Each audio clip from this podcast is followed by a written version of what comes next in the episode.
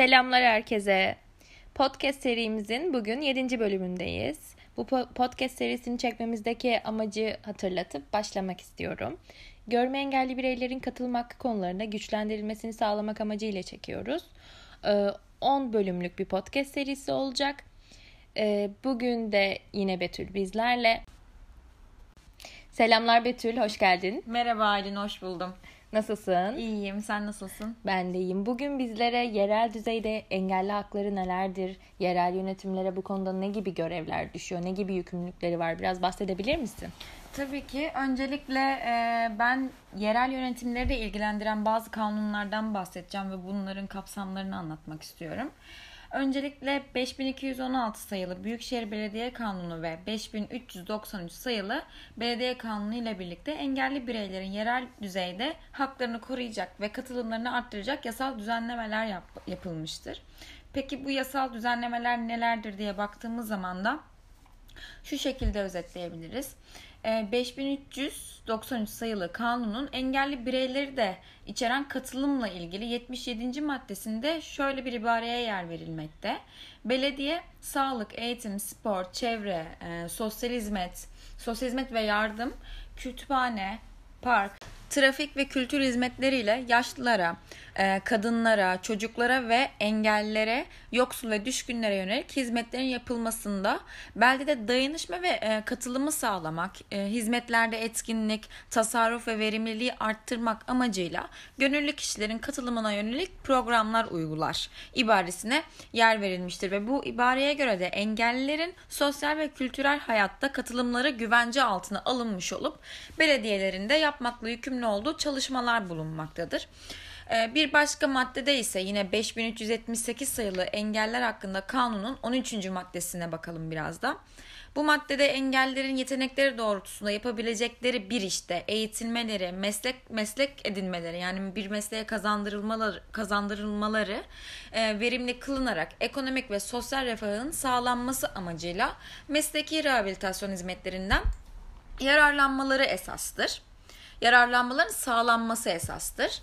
Ee, bir başka maddede ise yine 5378 sayılı engeller hakkında kanunun 10. maddesine e, bakacak olursak rehabilitasyon hizmetleri toplumsal hayata katılım ve eşitlik temelinde engellerin bireysel, toplumsal ihtiyaçlarını karşılamaya yönelik yönelik olarak verilir.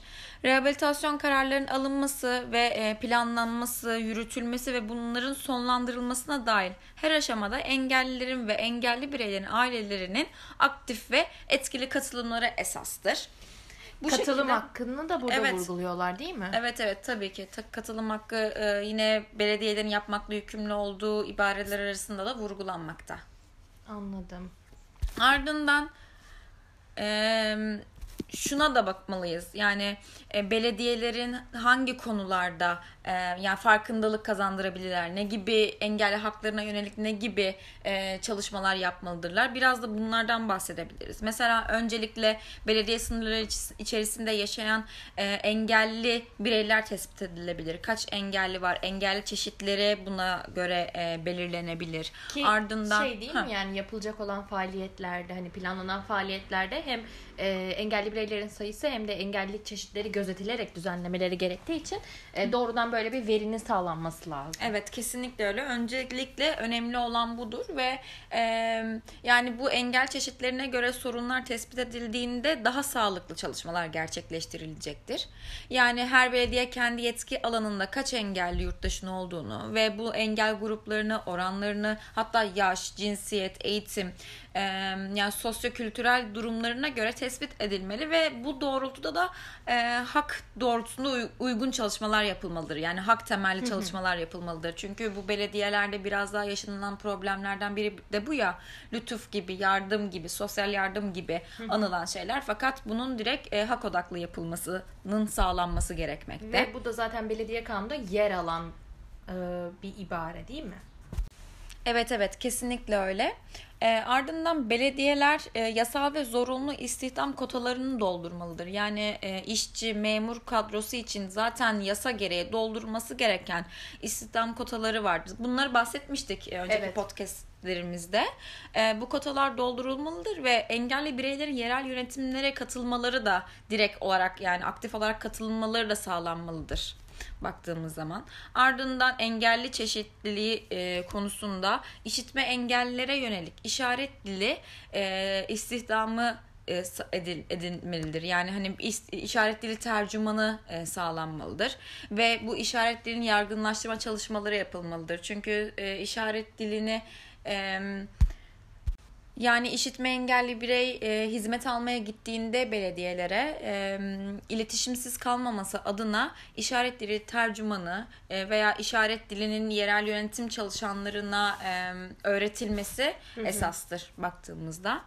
Ardından engelli bireylerin sorunlarını kendilerinden dinlemeli ve e, sorunları yerinde tespit gerçekleştiril- gerçekleştirilerek tüm süreçlere dahil olmaları sağlanmalıdır. Yani benim bir sorunum var ve bu sorun beni ilgilendiriyorsa ben bunu söylemeliyim ve bu süreçlere dahil olmalıyım aslında. Yani benim adıma bir sorun tespit edilmesi değil de bakın sorun, sorunlar bu diye Sorunu ben yaşayan bunu- benim, sorun evet, bu. aynen öyle bu şekilde sağlanmalıdır. Daha sonra belediyeler kendi personellerine engelli hakları farkındalığını sağlamalı ve e, engelli bireylere yönelik ayrımcılığın önlenmesi için çalışmalar yürütmelidir. Farkındalık çalışmaları, bilinçlendirme çalışmaları belediyelerce e, yapılmalıdır. Bunlar gerçekleşmelidir. Daha sonra e, en önemli durumlardan biri, biri de belediye binaları. Yani bu belediye bina, binaları erişilebilir hale gelmelidir. Baktığımız zaman belediyeye ulaşım yolları, kaldırımlar, toplu taşıma araçları, e, basamaklar, asansörler, e, yani tuvaletler, bahsedebileceğimiz e, engelli gruplarına yönelik, erişimlerin önündeki sorunlara yönelik bütün e, durumlar erişilebilir hale gelmelidir. Yani mesela e, Braille e, ve gör- görsel ses, seslendiriciler gibi e, durumlar sağlanmalıdır. Daha sonra engellilerin sosyal yaşama dahil olmaları sağlanmalıdır. Bunlar da nedir diye baktığımız zaman sinema, tiyatro, spor, konser e, gibi organizasyonların sağlanması gerçek e, Kültürel ve gerçekleştirilmelidir. e, sosyal hayata katılımını da Aynen evet evet kesinlikle öyle. Yani engelli bireyler kendilerini toplumdan dışlanmış olarak hissetmemeleri, e, bunun hissetme hissetme durumundan da kaynaklı değil aslında. E, toplumsal hayatta yer almaları yani haklarını gerçekleştirmeleri sağlamaları için Aslında bunların normal günlük hayatlarını gerçekleştirmeleri. Evet kesinlikle öyle.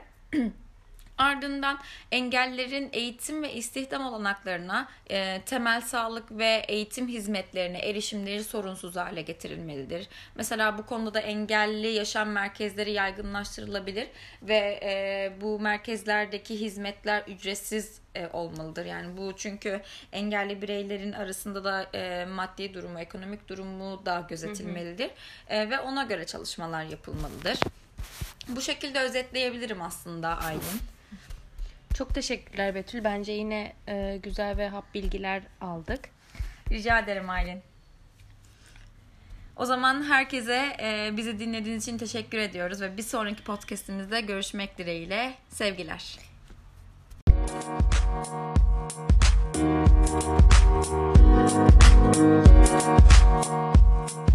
Thank